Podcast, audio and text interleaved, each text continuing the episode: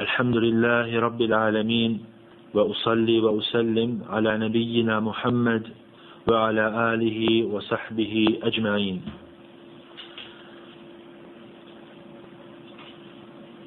Ako bi zamislili cijelu ljudsku historiju kao jedan mračni svemir, ona je odista to i bila u većini svojih slučajeva, vidjet ćemo da je većinom te ljudske historije vladao mrak, nasilje i nepravda. Ponekada bljesnula bi svjetlost koja bi obesijala taj mračni prostor, tu mračnu ljudsku historiju, ali bi se ubrzo ugasila. I opet dešavali se bljesite iz tih svjetlosti za neko kratko vrijeme i one bi svjetlusale neko vrijeme i širili bi svoju svjetlost u nastojanju da, da obsvijete ljudima put i da obasjaju na život ljudi kako bi mogli pravilno ispravno da se ponašaju. Međutim, ubrzo bi te svjetlosti bile ugašene i opet bi se čovečanstvo nalazilo u mraku. Međutim, jedna svjetlost koja je obasvejala ljudsku, ljudsku, ljudski rod prije više od 14 vijekova sjevnula je u Mekke i nastavila je da sija pojačavajući svoje svjetlo i ne prestajući da sija sve do danas. Njeno svjetlo postalo je jače tako da danas imamo ono za što uzvišeni Allah zelođel kaže sibgat Allahi wa man ahsenu min Allahi sibga wa nahnu lehu abidun. Allahova vjera a koja je vjera bolja od Allahove vjere a mi samo njega obožavamo. Odista, vjera s kojom je došao Muhammed sallallahu alaihi ve sellem, za koju Allah zaveđal kaže da je najbolja od svih vjera i s njom došao je čovjek koji je najbolji od svih poslanika. Bio je to Muhammed sallallahu alaihi ve sellem. Onaj za koga Allah zaveđal kaže لقد كان لكم في رسول الله أسوة حسنة لمن كان يرجو الله واليوم الآخر Odista, vi u poslaniku, u Allahu u poslaniku imate najbolji uzor, ali ne za sve ljude, nego za one koji budu, koji se budu nadali, koji se budu nadali susretu s Allahom i koji se budu nadali da će doći na sudnji dan, da će biti izvedeni pred Allaha na sudnjem danu.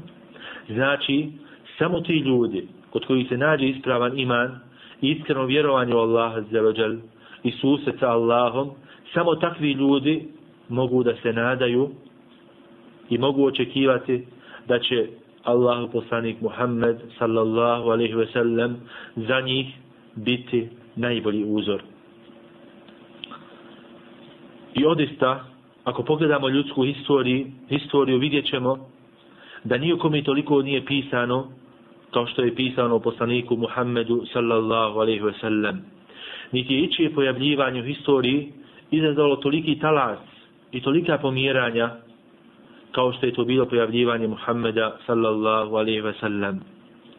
O njemu su napisane mnoge knjige. Isto tako poslanika sallallahu alaihi ve sellem je opjevala op, poslanik sallallahu alejhi ve sellem je opjevan u najljepšim stihovima arapske poezije. U njemu u, u tim stihovima je opisan njegov život i način kako je on živio.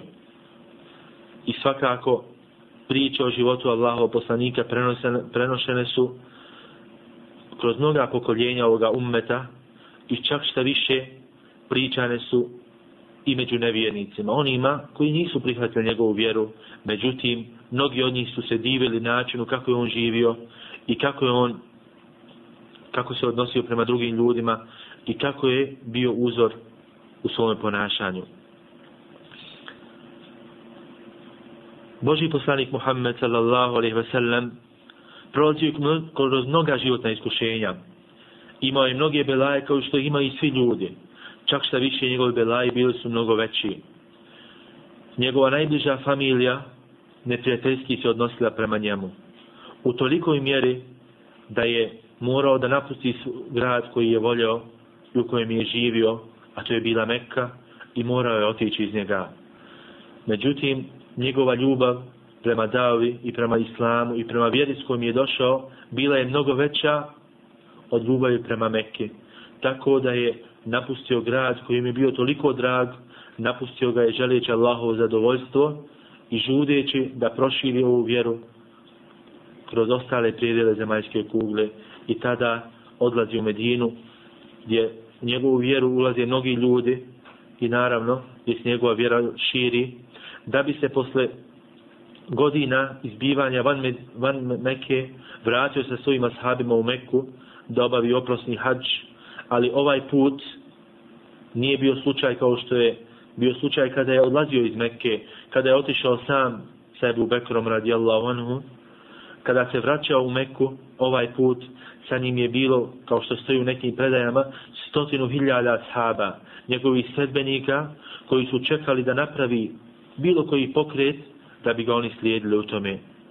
Svaki od njih gledao je da bude što bliže poslaniku i gledao je koji će tu, koji će tu stvar uraditi Allahu poslanik sallallahu alaihi ve sellem da ga oni slijede u tome.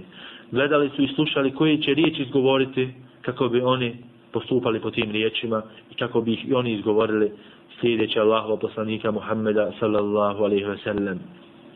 I pogledajte kako, koja je to veličina Allahove pobjede i koji je to poraz za one koji su bili njegovi protivnici kada Allahu poslanik sallallahu alaihi ve sellem ulazi u grad iz kojeg je bio protjeran sa stotinu hiljada ljudi sa vojskom i sa vjernicima kojima se niko nije mogao suprostaviti ali da se neko htio suprostaviti nije ga bilo jer svi oni koji su bili protiv njih oni su njihova srca su ušla u islam tako da je on došao sa vojskom koja je, koja je pobjeđivala ljudska srca, tako da nije bilo ni potrebe da ratuju protiv tih ljudi.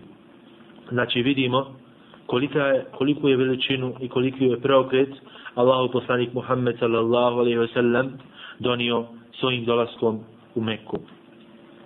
I odista svi ti ljudi koji su bili sa njim postupali su po onome ajetu kojem uzvičeni Allah azza wa kaže: "Kul in kuntum tuhibbun Allaha فاتبعوني يحببكم الله kada uzvišeni Allah naređuje svoje poslaniku reci naređuje, naređuje mu da prenese vjernicima reci ako budete ako kažete da volite Allaha slijedite mene jer će odista Allah voljeti vas svako onaj koji proučava život Allahova poslanika Muhammeda sallallahu alaihi wa sallam vidjet će da se on razlikuje u mnogome od ostalih ljudi. Iako je bio čovjek, kao svi i ostali ljudi, u svakom dijelu i u svakom aspektu njegovog života vidjet ćemo ono po čemu ga je uzvišeni Allah zelođel odlikavao na drugim ljudima. Tako ako pogledamo njegov život, pa čak uključujući one najprivatnije i najintimnije dijelove njegova života, vidjet ćemo da postoje mnogi detalji i postoje mnoge predaje koji nas detaljno obavještavaju o tome za razliku od života drugih ljudi o kojima ne znamo toliko detalja. Čak što više postoje jasni dokazi i postoje jasne predaje o tome koliko je recimo Allahu poslanik sallallahu alejhi ve sellem imao sjedih zlaka u svojoj bradi ili kako je češljao svoju kosu ili kolika je bila njegova brada. Zatim kako je bilo njegovo tijelo koje je bio visine. Zatim način kako je on hodao kako je koračao kako se obhodio prema ljudima kao što postoji načini i predaje kako je obavljao ibadet, kako se odnosio prema svome gospodaru, kako je klanjao namaz, kako je postio, kako je činio istikfar i svi ti detalje njegova života su nam dopr su doprli do nas, praveći nam odnošto tih sitnih detalja jedan kolaž iz kojega vidimo kako je živio najodabraniji od svih Allahovih robova. I ovdje se je mudar uzvišeni Allah Azza wa Jal kad je dao da do nas dođe toliko njegovih detalja, toliko detalja iz njegova života, jer za razliku od drugih ljudi, što ih više upoznajemo, pa čak i ako su to neki veliki velikani, u onome u čemu, u čemu, po čemu su bili poznati, da li to bili neki naučnici, ili su možda bili možda neki veliki učenjaci, u bilo kojem aspektu ovog zemaljskog života, vidjet ćemo da što više upoznajemo te obične ljude, bivamo svjesni da oni nisu savršeni. I bivamo svjesni da oni nisu bezgriješni. Bivamo svjesni da oni kod sebe imaju mnogo mahana. I da u stvari, što ih više upoznajemo, upoznajemo njihove mahane. Na drugoj strani, što više upoznajemo Allahova poslanika sallallahu alaihi wa sallam, što više ulazimo u detalje njegova života, što više upoznajemo način kako se odnosio prema ljudima i što više imamo sitnih detalja iz njegovog života, odista uviđamo da je to čovjek, ali ne kao drugi ljudi. Vidimo da je on čovjek koga je uzvišeni Allah odabrao da bude onaj koji će dostavljati njegovu, njegovu poruku ljudima. I nemoguće da ispravno upoznamo Allahova poslanika sallallahu alaihi ve sellem, a da ga ne zavolimo. Jer život, kakav je živio on, ne ostavlja traga, ne ostavlja traga sumnji da je to bio najodabraniji Allahov rob i da je to bio čovjek koji je dostavljao, koji je dostavljao Allahovu poruku. Također u njegovom životu nalazimo upute i nalazimo svjetlo za nas kako treba da se ponašamo, kako mi treba da uredimo svoj život i kako, i kako da živimo u skladu sa njegovim sunnetom. Postoje mnoge predaje u kojima nas Allahu poslanik sallallahu alaihi sallam upozorava na koji način da živimo, kako da organizujemo svoj život. I vidjet ćemo da, se, da je ona stvar koja se osrcava i da ona stvar koja je prisek svih tih poruka i upozorenja i savjeta jeste da moramo biti umjereni u svačemu. Da ne smije nijedna stvar da prijeđe granice normalnosti i granice umjerenosti. Kaže Allahu poslanik sallallahu alaihi sellem: sallam tražite i činite od dijela ono što se stanju da činite. Znači, nemojte se opterećavati. Nemojte se opterećavati da činite ono što niste ustavim da činite.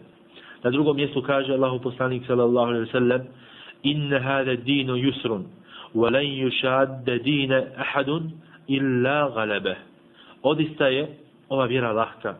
I niko neće nastojati da oteža u vjeru, a da ga ona neće, da ga ona neće pobijediti.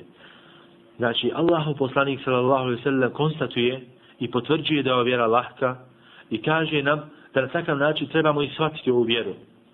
I onda kaže na takav način kao da se može shvatiti da je to prijetnja.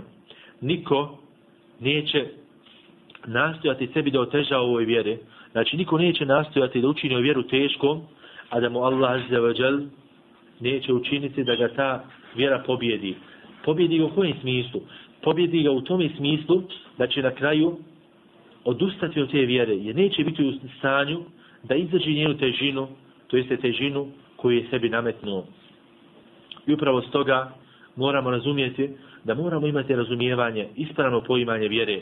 Jer ako čovjek pravilno ne poima vjeru, odista će ga ta vjera pobjediti i neće biti u stanju da prati vjeru i mora će da odustane.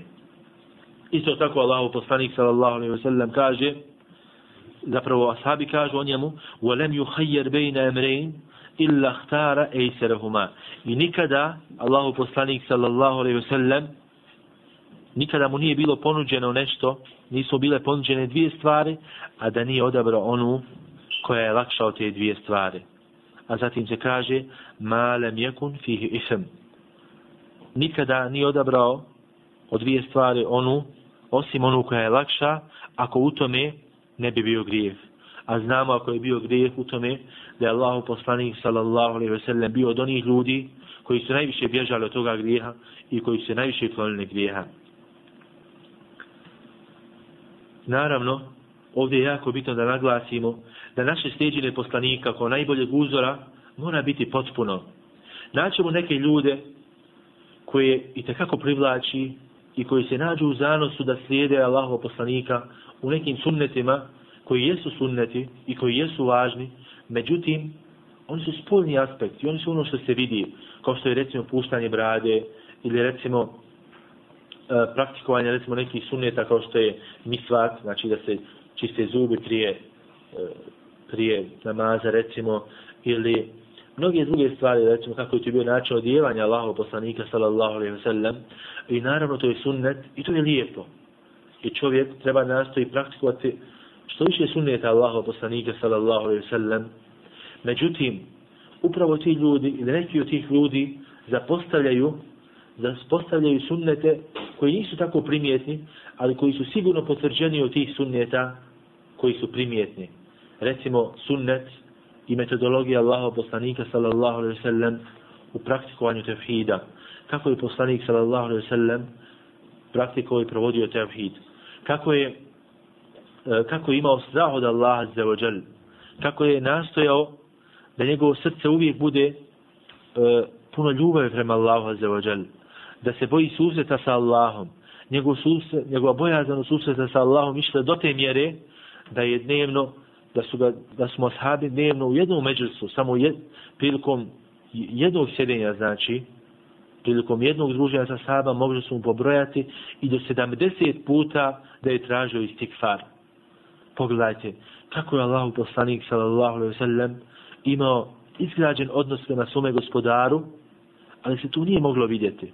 To je bilo nešto između njega i njegovog gospodara.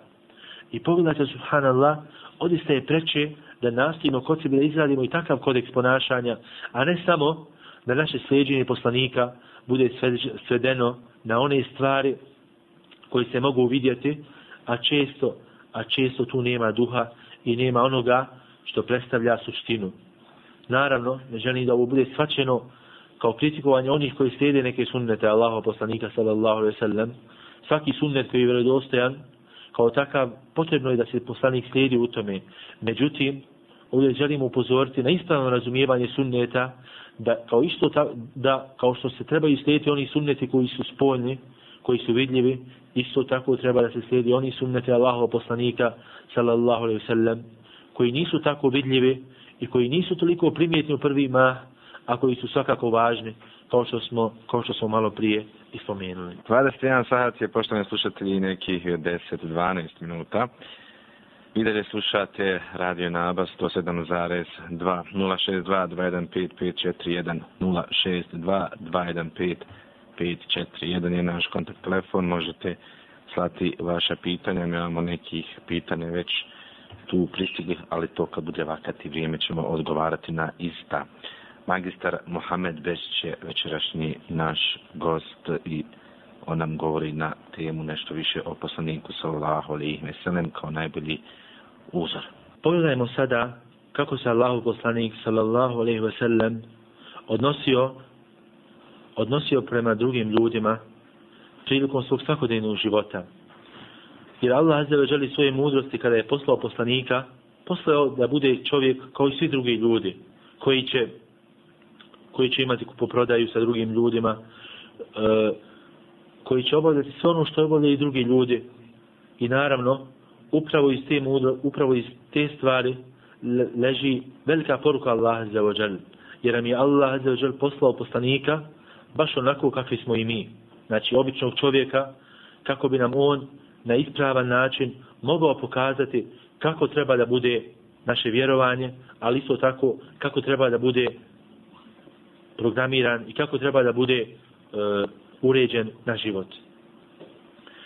Prenosi imam Buharija od Džabira radijallahu anhu da je Allahu poslanik sallallahu alaihi wasallam rekao Rahim Allahu rađulen samhan iza ba'a wa iza štara wa iza qtaba. Kao što se kaže Allah se smilovao čovjeku znači ovo je jedan vid dove od Allahu poslanika sallallahu alaihi wasallam za onoga za tri vrste ljudi. Pogledajmo sada koje su to tri vrste ljudi. Da se Allah smiluje onome čovjeku koji je popustljiv kada prodaje. Znači, kada mu čovjek dođe da kupi nešto od njega, on insistira na toj cijeni koju je rekao, nego nastoji na jedan lijep način da ipak zaradi i za sebe, ali isto tako da olakša i drugim ljudima, da bude popustljiv prema njima, tako da i oni mogu ostvariti neku korist i neku, znači, da, da imaju nekog hajra od njega. Isto tako poslanik kaže, poslanik moli Allaha da se smiluje onome čovjeku koji je znači popustljiv i, i kada prodaje. Znači kada kupuje, kada prodaje, ali isto tako i kada kupuje. Znači prvo smo rekli kada, kada prodaje i da ba, u i da štara, i kada kupuje. Tako ako mu neko kaže neku cijenu, da ne insistira po svaku mjeru da je obori što više, nego ipak da se pokuša naći na nekoj cijeni koja odgovara obojici. I na trećem mjestu, vojtaktada, koji znači popustiv i koji ima razumno ponašanje kada traži, kada traži da mu se presudi u nečemu. Tako da ne nastoji po svaku cijenu da uništi onoga svog suparnika i ne nastoji po svaku cijenu da uzme sva njegova prava, nego nastoji da nađe jednu istinu i jednu pravdu koja će biti odgovarajuća, odgovarajuća za sve. Upravo iz ovog hadisa vidimo da Allah poslanik sallallahu alaihi sallam ovim hadisom želi da uspostavi ispravan islamski ummet.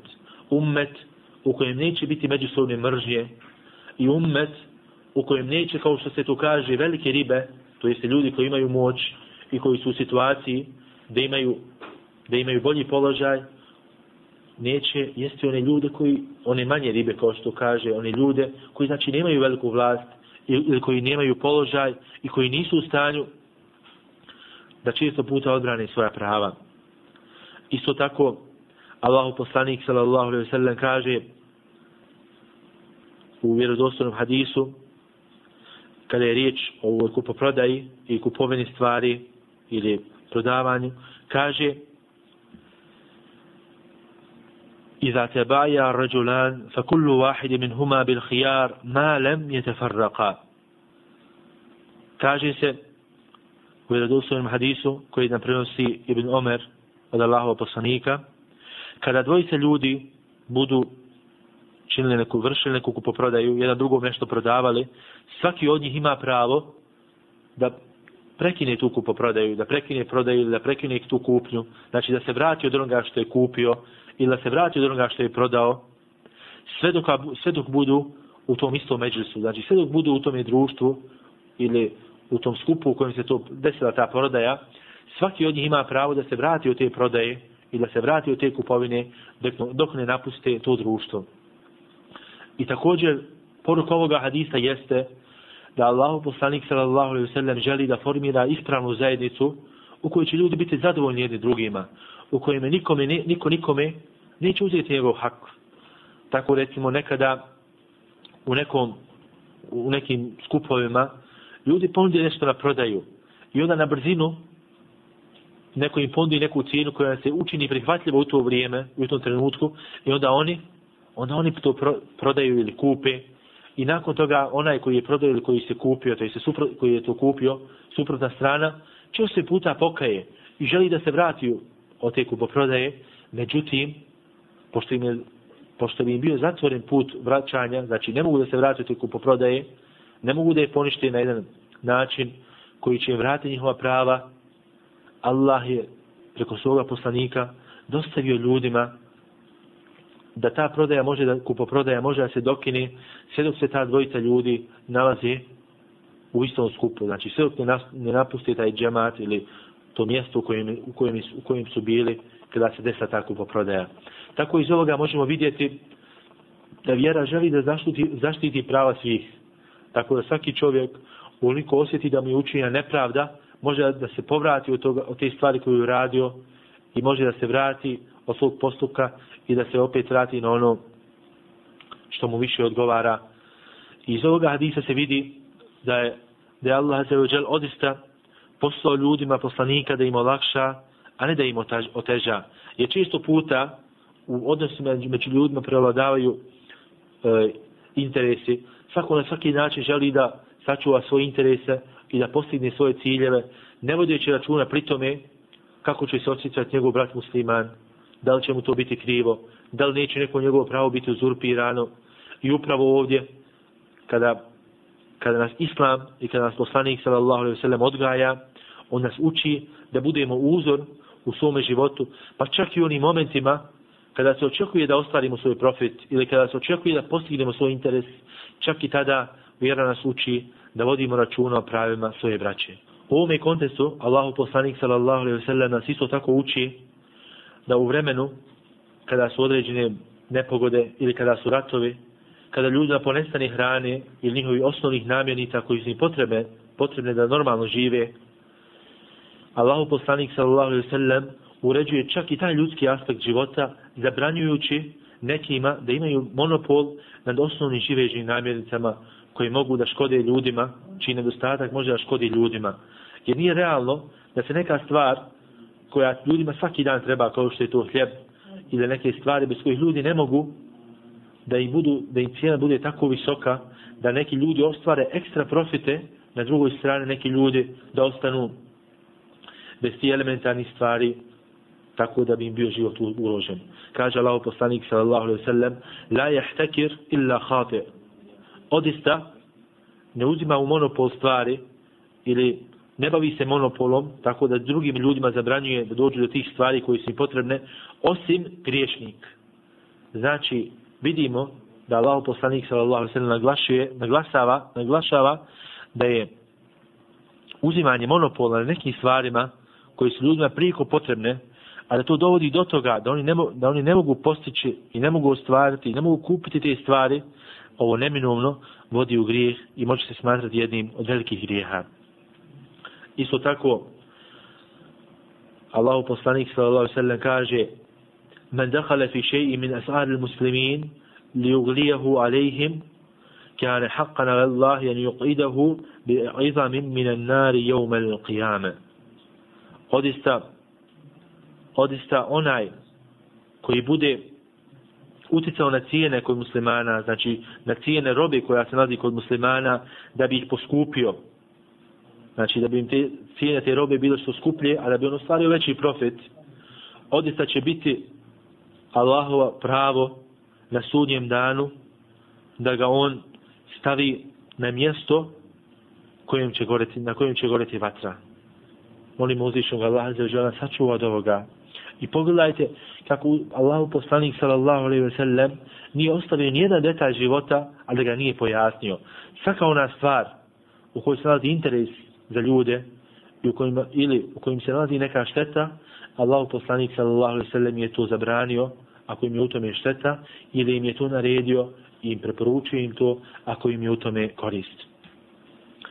Isto tako Allahu poslanik sallallahu alejhi ve sellem naređuje ljudima da olakšavaju svoje braće muslimanima. Tako da ako jedan musliman ima dug i nije u stanju da ga vrati, osjeća poteškoću da ostvari taj dug i da može da ga vrati onome kome je on dužan, Allahu poslanik sallallahu alejhi ve sellem nam nalaže da olakšamo, obećavajući veliku nagradu onima koji olakšaju ljudima, koji im olakšaju da vrate svoj dug, tako da više ne budu dužnici. Kaže, kaže Allahu poslanik sallallahu alejhi ve sellem, da je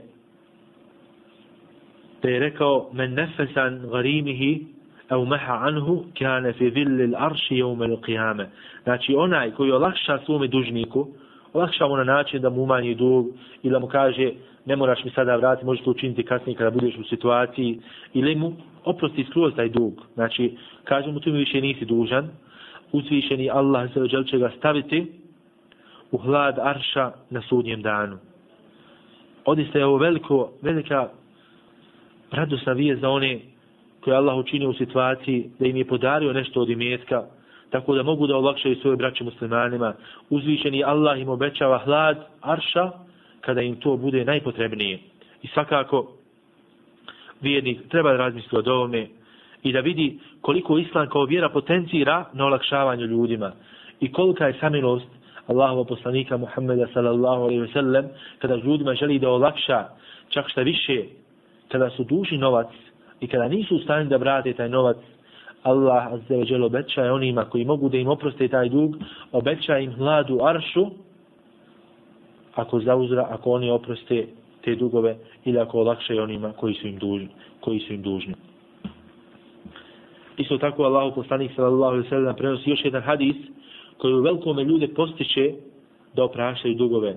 Kad kaže Husiba rađulu min man kane qablakum فلم يوجد له من الخير شيء إلا أنه كان يخالط الناس وكان موسرا وكان يأمر غلمانه أن يتجاوزوا عن المؤسر.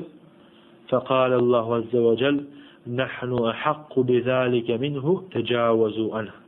kaže se kaže se da je Allahu poslanik sallallahu alejhi ve sellem rekao bio je jedan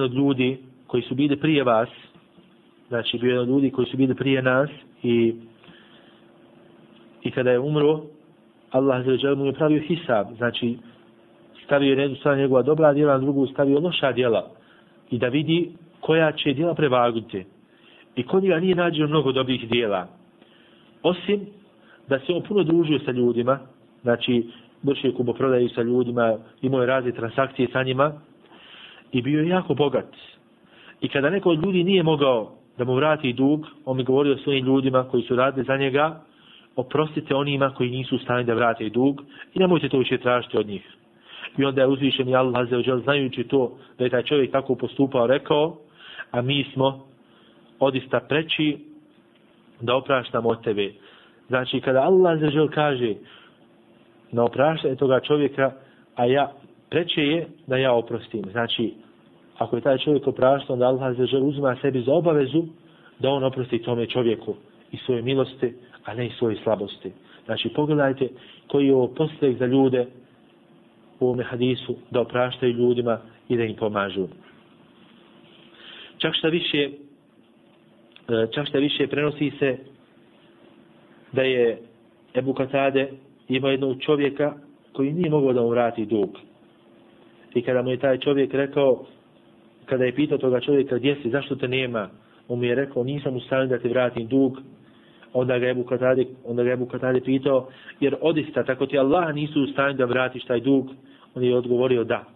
Onda je Bukatade zaplakao i rekao, čuo sam, spomenuo je spomenuti, e, pomenuti, već pomenuti hadis i rekao, čuo sam od Allaha poslanika sallallahu alaihi wa sallam, men nefesan garimihi je umehan, kjane fi zilli l'arši je umel qiyame.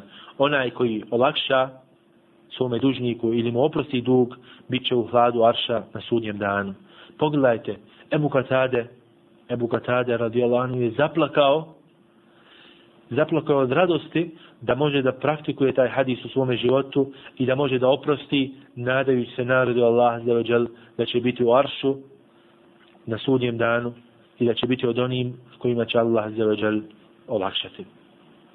Isto tako nalazimo brojne primjere iz života Allahova poslanika sallallahu alejhi ve sellem iz kojih jasno vidimo iz kojih jasno vidimo e, da je se odnosio sa ljudima na najljepši način i da je uvijek nastojao da uvijek nastojao da im olakša i da preporuči ljudima da vode računa o hatoru svoje braće i šta će oni reći a da im na prvom mjestu ne bude materijalni interes i profit koji će ostvariti. I na kraju svakako želimo nakon ovih fragmenata iz života Allaha poslanika sallallahu alaihi sallam želimo ukazati na par stvari koje mogu biti i bret vjernicima, jer kao što smo rekli, poslanik sallallahu alaihi sallam je uzor, pravi uzor, samo onima koji su vjernici i koji vjeruju u susret Allahom azza wa jal. Ove ibrete koje želimo spomenuti posebno su vezani za posljedna događanja i ono što se desilo vezano za vrijeđanje Allahova poslanika Muhammeda sallallahu alaihi ve sellem. E, želimo reći da je da je Allahov poslanik sallallahu alaihi sellem na povlaštenom i na posebnom položaju kod Allaha za i da on ima posebno mjesto koje nema niko drugi od stvorenja. Uzvišeni Allah za kaže fasda bima tu'mar wa a'rid anil mušrikin inna kefejna kel mustahzi'in kao što stoji u suri Hijr. Fasda znači ti jasno izađi sa onim što ti je naređeno. I kloni se oni koji su mušrici, a mi ćemo te zaštititi od onih koji se tebi ismijavaju. Znači uzvišeni Allah Azza wa Jal ovdje na sebe stavlja obavezu da zaštiti poslanika od onih koji se izigravaju sa Allahom i poslanikom. A kada Allah za sebe, na sebe uzme neku obavezu, on je odista u. Jer Allah Azza onaj koji stvari kada radi, on ih radi na najbolji način. I upravo stoga ova obaveza da Allah želi štiti svoga poslanika od onih koji se izigravaju sa njim nije bila samo u jednom vremenu, nego je to u svakom vremenu i na svakom prostoru. I stoga islamski učenjaci kada kažu zašto je ovaj ajet objavljen, kada govori o sebebi nuzul ili razlog, zašto je objavljen ovaj ajet, spominju primjer života ljudi spominju primjer kako su završili svi oni ljudi koji se izigravali sa Allahom i poslanikom sallallahu alaihi sallam i kako su svi oni stradali. kao neki od njih su bili Al-Velid ibn Mulira, zatim As ibn Wail i drugi. Znači, svaki onaj koji se izigrava sa Allahom i poslanikom, sallallahu alaihi wasallam, dovodi sebe u jako tešku situaciju, a to je da se stavlja u položaj da, da vodi rat sa uzvišenim Allahom azza wa jal. Jer uzvišeni, jer Allah azza wa jal u hadisi kuciju kaže men aza li valijan faqad azantuhu bi harben. Onaj koji bude bi huzurio jednog od mojih velija, od onih ljudi koji su meni dragi i koji su moji prijatelji, odista ja mu objavljujem rat. Pazite, uzvišeni Allah azza ve jalla objavljuje rat onome koji bude bi huzurio Allahove prijatelje. A mi znamo da je poslanik sallallahu alaihi ve sellem Allahov prijatelj i njegov odabranik, najodabraniji od svih drugih ljudi. Znači, onaj koji se izigrava sa Allahovim poslanikom, bez obzira ko i gdje bio, njemu Allah azzawajal objavljuje rat. A onaj kome je Allah objavi rat, taj sigurno neće dobiti rat i bit će gubitnik kao što vidimo kroz historiju. Primjer ovoga jeste i slučaj kada je Allah poslanik sallallahu alejhi ve sellem poslao pisma mnogim vladarima koji su bili u to doba u njegovo vrijeme u svijetu i jed, jed, dva takva pisma poslane su jedno Kisri vladaru koji je vladao u Perziji a drugi je, drugo je poslano Kajsaru to je bio čovjek to je bio zimski vladar koji je vladao u to, u to doba u u Egiptu i nakon što se im došla ta pisma, oni su se različito ponijeli. Čovjek koji je bio rimski vladar, koji je vladao, koji je bio tadašnji, kako se zove, Kajsar, koji je vladao u, u Egiptu, kada mu je došlo pismo, on je počastio Allahov e, poslanika, koji je bio posla, poslan od strane Allahov poslanika, po, e, počastio toga glasnika i poslao je hedije Allahu poslaniku sallallahu alaihi sallam. Iako nije primio njegovu vjeru, ali se on odnio na jedan lijep, ali se ponio jedan fin i kulturan način prema tom izaslaniku. I naravno poslao je hedija Allahu poslanik sallallahu alaihi sallam. I njegovo carstvo e, njegovo carstvo je ostalo. Čak šta više kaže šehr sami te e, uh, iako je to carstvo nakon toga e, propalo nakon poslanika sallallahu alaihi sallam muslimani su zavladali zavladali tim mjestom gdje on bio opet, kaže še Husan Betemije, vlast je ostalo njegove porodice i dan danas. To jeste među Rimljanima, znači među tim vizanticima koji su bili u to vrijeme. E, oni su poslali cijeli na sjever, ali u njegovom potomstvu je i dalje vlast ostala. Znači, Allah za veđelim je zbog njegovog takvog položaja i postupka koji su imali, na neki način sačuvao tu vlast, iako nisu prihvatili islam, ali zbog njihovog časnog i finog odnosa prema Allahu poslaniku sallallahu alaihi sallam. Na, na drugoj strani imamo vladara Perzije koji je pocijepao pismo Allahu poslanika sallallahu alaihi sallam i ubrzo nakon toga njegovo carstvo je propalo i on je završio teškom sudbinom. Baš kao što se kaže baš kao što kaže Allah azza wajal inna shani'aka huwa al-abtar odista onaj koji se bori protiv tebe neće imati potomstvo i neće imati nikakav spomen u budućnosti znači vidimo kako uzvišeni Allah za vodi računa o svome poslaniku. Ovo je bio samo jedan historijski primjer, ali iz kojeg, ali oni koji imaju pameti mogu uzeti jako dobru pouku. Još jedan historijski primjer koga istorija potvrđuje jeste da je Allah poslanik sallallahu alaihi sallam imao jednog pisara koji je prešao na islam. Ali nakon što je zapisao neke sure od poslanika i čak se prenosi da je naučio Bekaru, Jalu, Imran, još neke sure od Kur'ana i da je čak neke sure pisao, je poslanik sallallahu sallam nije znao pisati i on bi diktirao vahij ljudima, znači to od Kur'ana što mi došlo diktirao bi drugim ljudima koji su bili pismeni i oni bi to zapisivali, tako je Kur'an i jedan od načina kako je Kur'an sačuvan. Naravno, ovaj čovjek posle nekog vremena, kada je e, bio tako pisar kod poslanika, posle nekog vremena odmeto se od islama da se Allah sačuva od toga. I postoje murted i naravno postoje nevjernik. I otišao je među svoje otišao je znači među svoje i počeo se hvalisati da poslanik Muhammed sallallahu alejhi ve sellem ne zna ništa osim ono što mi on napisao. Kao da je objava od njega a ne od Allaha azza ve dželle i kada je taj čovjek umro oni koji su bili oko njega njegovi prijatelji koji su bili na istoj vjeri kao i on pokušali su naravno oni su ga zakopali kao što čini sa mrtvim ljudima, ali ujutru su ga našli, otkopanog i bačenog, kao da ga je zemlja izbacila. Naravno, ti su ljudi rekli da su to uradili sredbenici e, Muhammeda, znači da su uradili sredbenice Allahov poslanika, da mu se osvijete, tako da su ga onda još dublje zakopali, tako da ga više niko ne može izvaditi. Ali opet sutra su ga našli da je izbačen na površinu zemlje. I onda im je bilo jasno, iako su bili nevjernici, uvidjeli su da je to osveta od nekoga koji ima mnogo veću moć od ljudi, a bio je to uzvišeni Allah. Jer se Allah tako sveti onima koji se bore protiv njegova poslanika i koji bih uzore njegova poslanika. I tako da taj čovjek više nije bio, mogao biti zakopan, kao što se to čini sa mejtima, nego je bio bačen na površinu zemlje gdje njegovo tijelo tako istruhne, kao opomena ljudima kako se ne smije izigravati sa poslanicima i sa onima koji prenose Allahu objavu. Naravno, kaže Šehu samim im temije, da onaj koji učini e, ridde, onaj koji se odmete od Islama, po svaku cijenu ne mora, e, ne mora biti kažen ovakvom kaznom. Jer ovaj čovjek, ne samo da se odmetnuo, nego učinio još veću stvar, izigravao se sa Allahovim poslanikom. Znači, učinio je dvije stvari koji su uzrok nevjerstvu. Odmetništvo samo po sebi je veliki grije i to je čin nevjerstva. Međutim, još veći grih od toga jeste izigravanje sa Allahovim poslanikom, sallallahu alaihi sallam. Tako da je taj čovjek upravo zbog tog izigravanja zaslužio ono što je zaslužio. I naravno, e, kaže se među ljudima, kao da je to mudra izreka ljudi, da su mesa učenjaka otrovna. Znači, ogovaranje, Allah se kaže da ogovaranje ljudi poput jedine mrtvih mesa. Mesa mrtvih ljudi. Isto tako, ogovaranje islamskih učenjaka je e, još opasnije. To ne samo da se jede meso, nego jede se otrovno meso.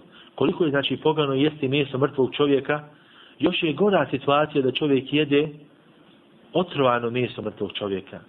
I upravo tako učenje ljude od prije porede, porede da je e, vrijeđanje učenih ljudi i loše govorenje o njima upravo, upravo kao jedenje otravanog mrtvog mjesta.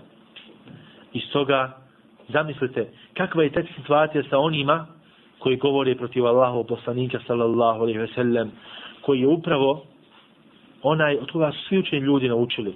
Jer svo znanje opet na kraju se vraća Allahu poslaniku sallallahu alejhi ve sellem.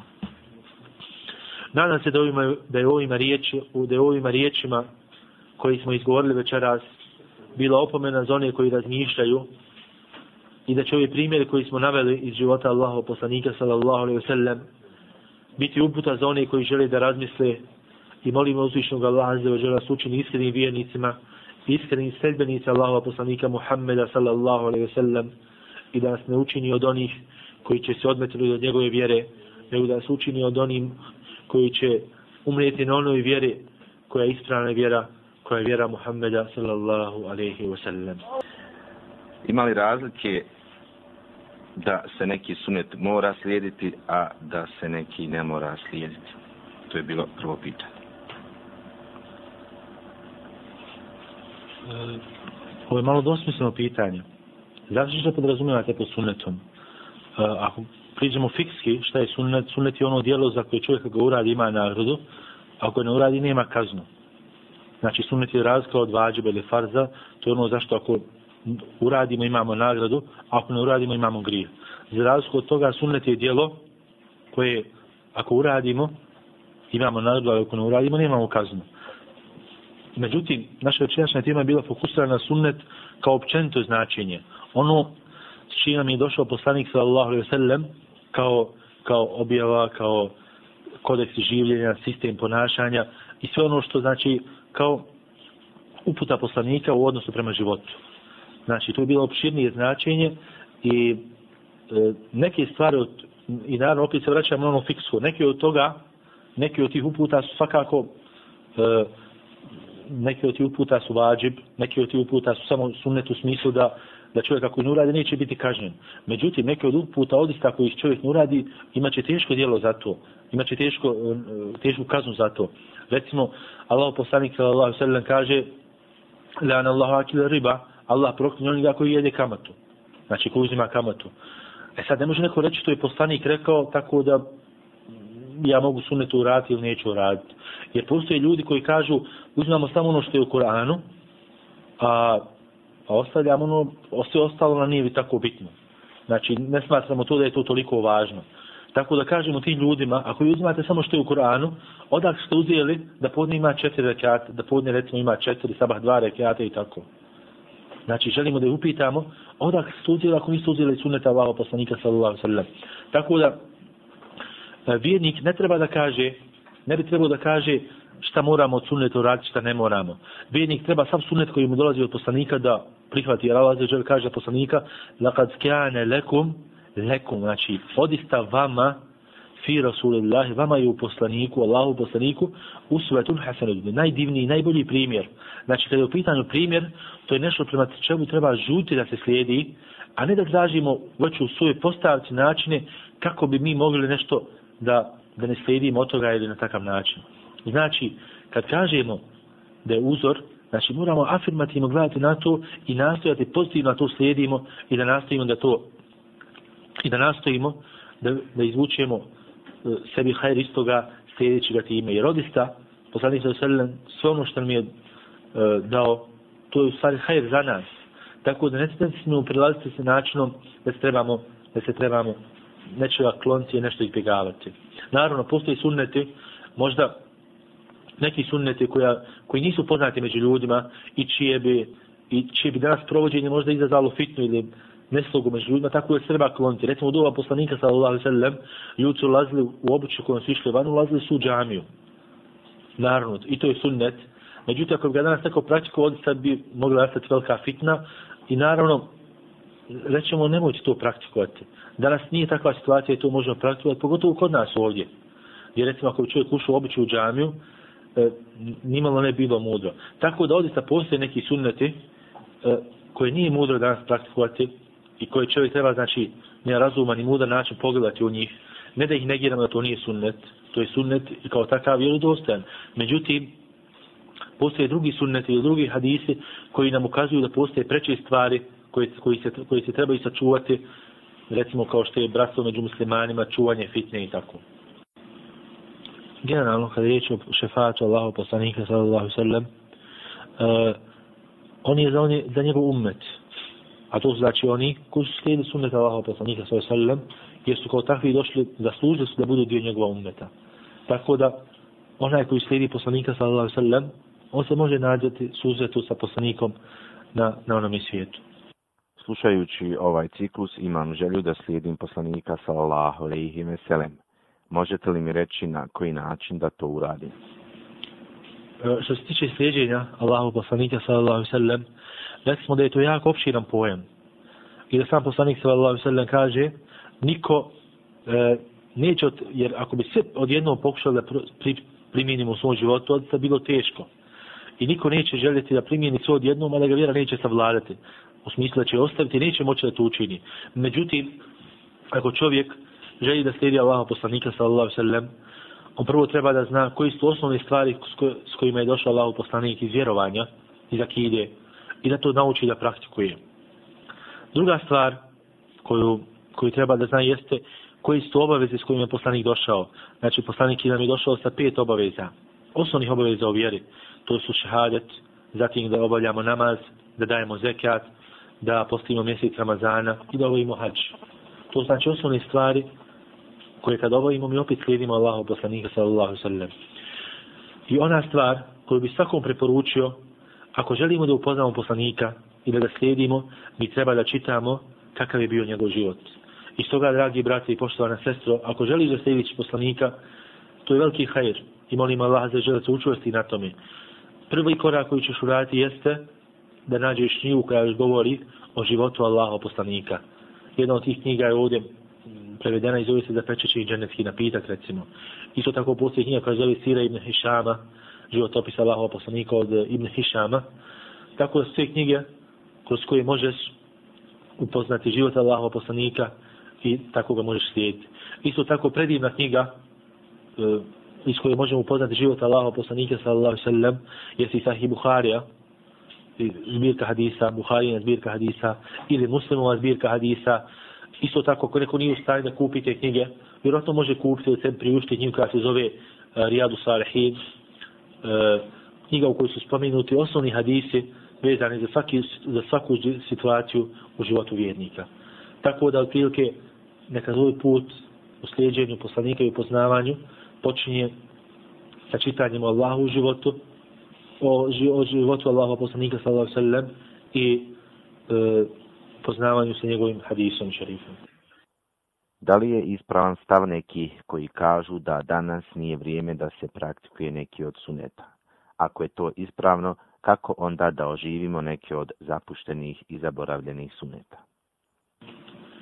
Generalno, kad, kad je riječ o sunnetu, ja bi se vratio na afirmativni pristup. U osnovi kada se govori o sunnetu i poslaniku sallallahu sallam, na nama je da ga slijedimo i na nama je da ga poštujemo. I velika većina hadisa i stvari u kojima smo obavezni ili je jako pohvalno da slijedimo Allahu poslanika sallallahu sallam, mi kao vjernici moramo praktikovati. I većina ljudi to radi.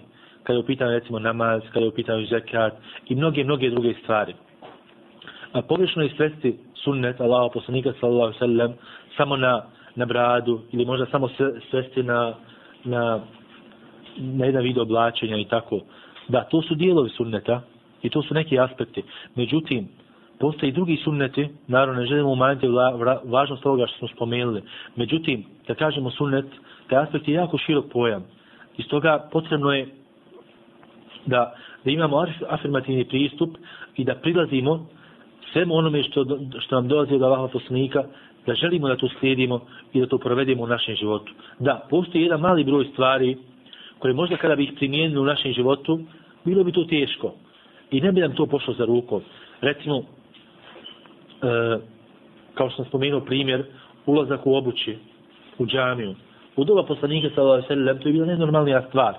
A sahabi su ulazili u svoju obuću u džami, jer njihova džamije su stvari iznutra imale pjesak, nisu bile prostarte na drugoj strani, ako mi to danas uradili, prvo, vjerovatno bi nešto od nečistoće moglo ući u džamiju, na drugom mjestu, vjerovatno, izgledalo veliku fitnu kod ljudi i tako da nije mudro, tako da nije mudro da to, da to činimo. Ali generalno, naš stav prema sunnetu mora biti slijedženje i prihvatanje. Ma atakumur rasul, ma atakumur rasulu fahuduhu, وَمَا نَهَاكُمْ عَنْهُ فَانْتَهُ Uzvišeni Allah za želom kontekstu kaže ono što vam vaš poslanik daje, uzmite to. A ono što vam on zabranjuje, klonite se toga. Kratko i jasno. Znači, kada je u pitanju slijeđenja sunneta, mi ne trebamo postaviti pitanje kako, e, e, E, da li znači treba govoriti o o davi na način da se prihvata sunnet, jer danas nije situacija da možemo praktikovati neke sunnete. Mi trebamo postaviti pitanje kako da napravimo klimu u kojoj možemo prihvatiti sunnete i da ih što više slijedimo. Kako da odgojimo generaciju koja će se ponositi time da slijedi sunnet Allaha poslanika sallallahu alaihi sallam. Da li je u redu govoriti? Više bih volio da sam živio u vrijeme poslanika sallallahu alaihi sallam nego sad. Onaj koji kaže više bih volio da sam živio od ova poslanika sallallahu sallam, komu garantuje da je živio tada, da ne bio od onih koji su objavili rat Allahu poslaniku i da nije bio da ne bi bio od onih koji su ga protjerali iz Mekke. Čovjek treba da bude zadovoljan onim što mi Allah za veđel odredio. Jer, brate dragi, otko znaš, ako bi živio u to doba, da ne bi bio od onih koji su Allahovi neprijatelji. I neprijatelji Allahov poslanika. Stoga, budi zadovoljan onim što ti Allah za propisao i znaj, ako uradiš koliko tri, trun dobra, to će se vidjeti. Ako uradiš koliko trun zla, to će se vidjeti. I nikakvog smisla nema postavljati pitanje koje čovjek ne može ništa tu promijeniti. Čovjek treba da postavlja pitanja koja će mu koristi, da radi nešto korisno.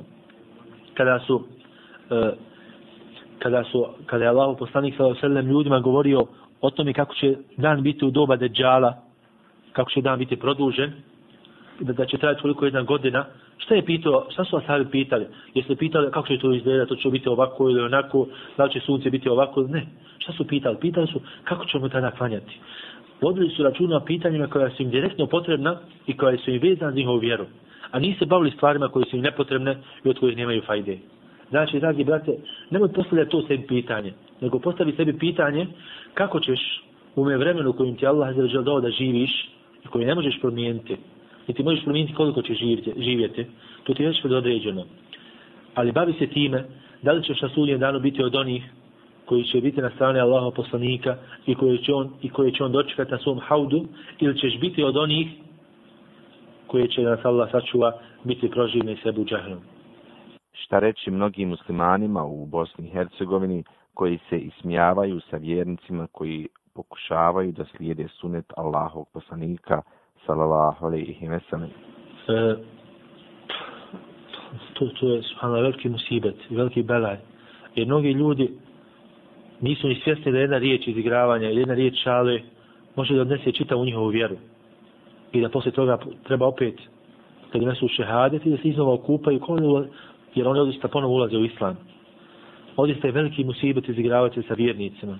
Jer znamo iz doba poslanika sallallahu sallam grupu koja se izgravala sa vjernicima da je da, da je Allah zađel u njima, o njima objavio ajete i rekao je u tim ajetima Allah zađel kaže više ajeta da Allah zađel kaže e, kada su oni rekli da su samo igrali innama kuna na hudu wa nalab mi smo se ovdje samo igrali i zabavljali ne bi sebi skratili put. Jer ljudi kada putuju svašta pričaju da sebi skrati tako put Allah zađel kaže kul poslaniće recim, e billahi wa ajatihi wa rasuli kuntum destahizijun, da ste se s Allahom i sa njegovim ajcima i sa njegovim poslanikom izigravali.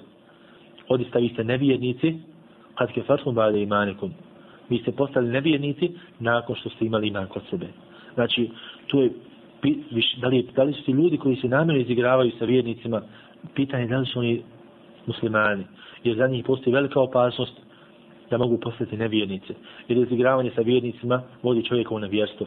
I stoga tim ljudima ne treba im reći vi ste nevjernici, ali im treba ukazati da su na velikoj opasnosti i ukazati im na te ajete u kojima se vidi da je čovjek u velikoj opasnosti ako se izigrava sa Allahom vjerom.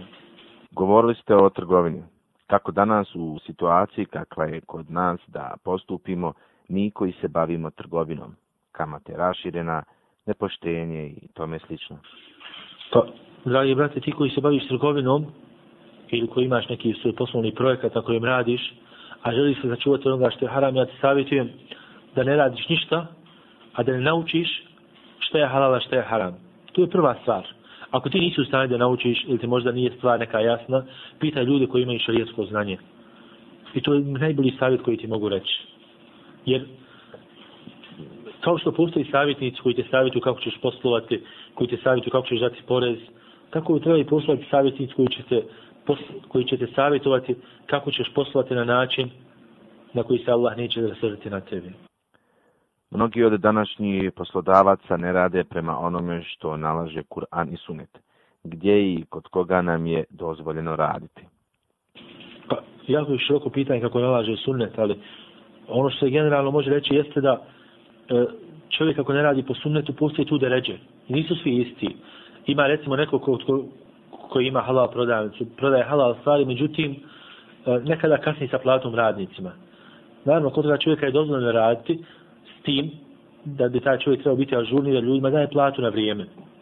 Međutim, ako radiš kod nekoga ako prodaje alkohol, onda nema sumnje da je to radno mjesto zabranjeno. Da nije dozvoljeno čovjek da radi na mjestu na kojem će prodavati alkohol.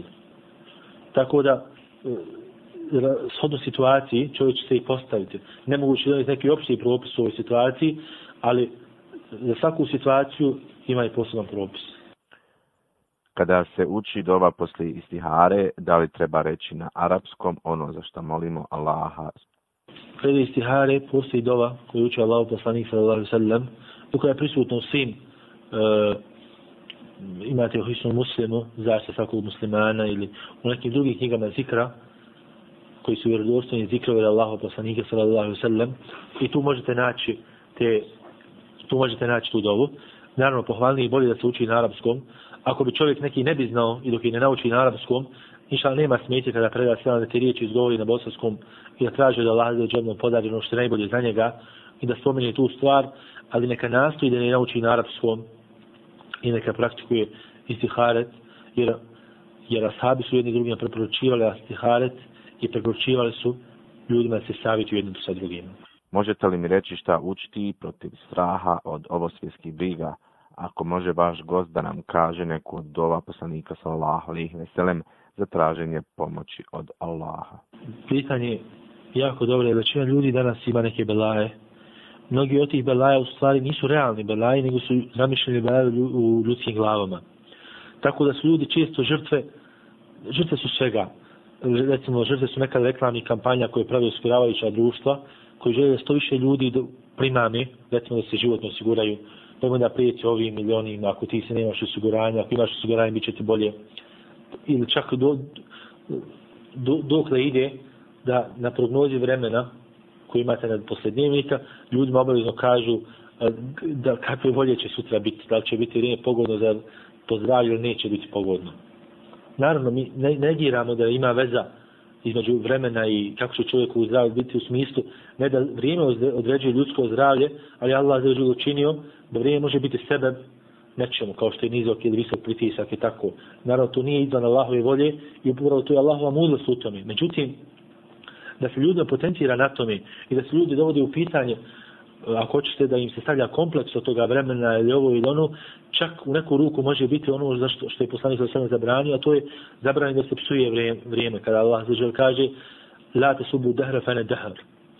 Znači, nemojte psovati vrijeme, jer ja sam vrijeme. To jest Allah zažel onaj koji određuje vrijeme i on čini kako će vrijeme biti.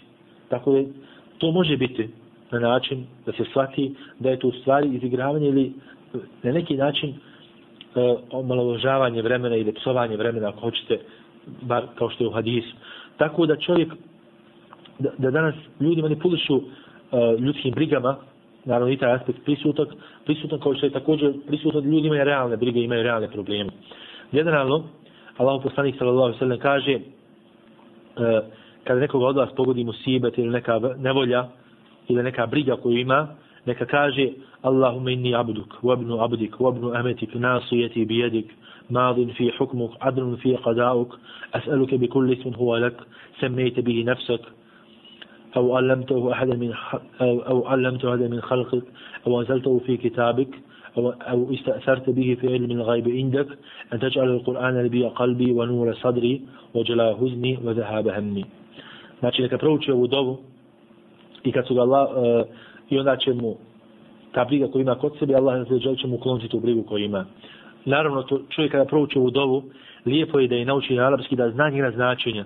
Jer onda odista ima uzvišena značenja koja služe oko tevhida, oko Allahovog jedinstva i oko toga da je Allah zađel onaj koji ljudima određuje. I ako on hoće, on će im nešto ukloniti i ako hoće podarći bolju situaciju od, koje se, od one u kojoj se ne nalazi. Tako da je jako lijepo učite u dovu. I kad su Allah, ashabi Allaha poslanika sallallahu sallam, upitali, upitali poslanika da li da naučimo tu dovu, poslanik je rekao naučite i preporučujte i drugima.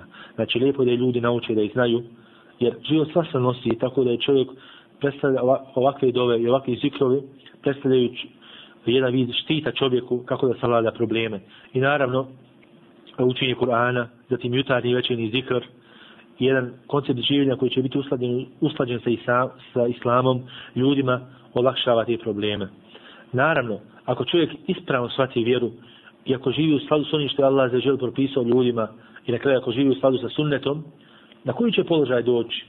Kao što kaže šeho Slamim Kajem kada kaže, a naravno, ne može svako reći, to mogu reći oni ljudi koji su odista shvatili stvarnost dunjaluka i koji su kod sebe postigli takav stepen vjere i takav stepen slijedženja Allaha poslanika sallallahu alaihi sallam da mogu reći ovakve riječi.